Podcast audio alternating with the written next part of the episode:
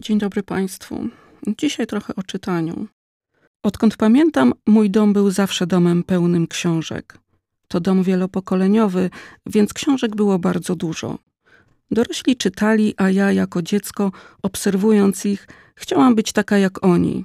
Więc brałam jakąś książkę z półki, siadałam obok i choć nie znałam jeszcze liter, udawałam, że czytam, a raczej udawałam dorosłą.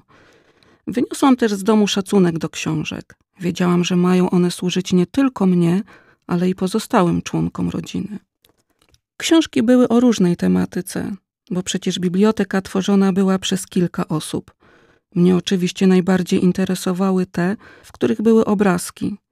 I nieważne, że nic z tego nie rozumiałam. Ważne, że była to dla mnie bezcenna lekcja, która wyrobiła we mnie nawyk wręcz nałogowego czytania książek – to właśnie dzięki książkom w moje młode życie wdarło się tak wiele różnych przygód i historii. I dlatego tak bardzo lubiłam chodzić do tego cudownego wnętrza. Moja przestrzeń fizyczna jako dziecka ograniczała się do własnego pokoju i innych pomieszczeń w domu. Ale przebywanie w bibliotece niejako pozwalało mi wyjść na spotkanie wielu osobom, wypłynąć na morza, żeby poznać świat nieskończonej skali ludzkiego doświadczenia jednostkowego i zbiorowego. Czytając polską klasykę, poznałam wielką urodę naszego języka. To właśnie dzięki książkom odwiedziłam dalekie lądy. Wspięłam się na najwyższe góry świata. Pływałam po wodach południowej Afryki i Pacyfiku.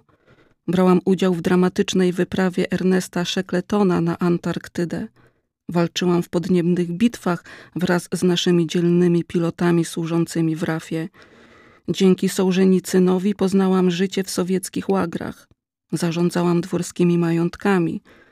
Towarzyszyłam wielkim malarzom, którzy tworzyli swoje majstersztyki. Wraz z hrabalem włóczyłam się po Pradze czeskiej. Poznałam losy wielu ludzi, od których dowiedziałam się, że słaby start w życiu wcale nie musi być przeszkodą w osiągnięciu sukcesu że największy nawet talent musi być poparty pracą. Poznałam historie opowiadane przez ułanów, którzy opowiadali o ich relacjach z końmi. Słuchałam kazań mistrza Ekarta, z których wynikało, że myśleć, że Bóg jest daleko, to wielkie zło. Z wypiekami na twarzy słuchałam wykładów księdza profesora Michała Hellera, który wyjaśniał odwieczne zawiłości pomiędzy wiarą a nauką.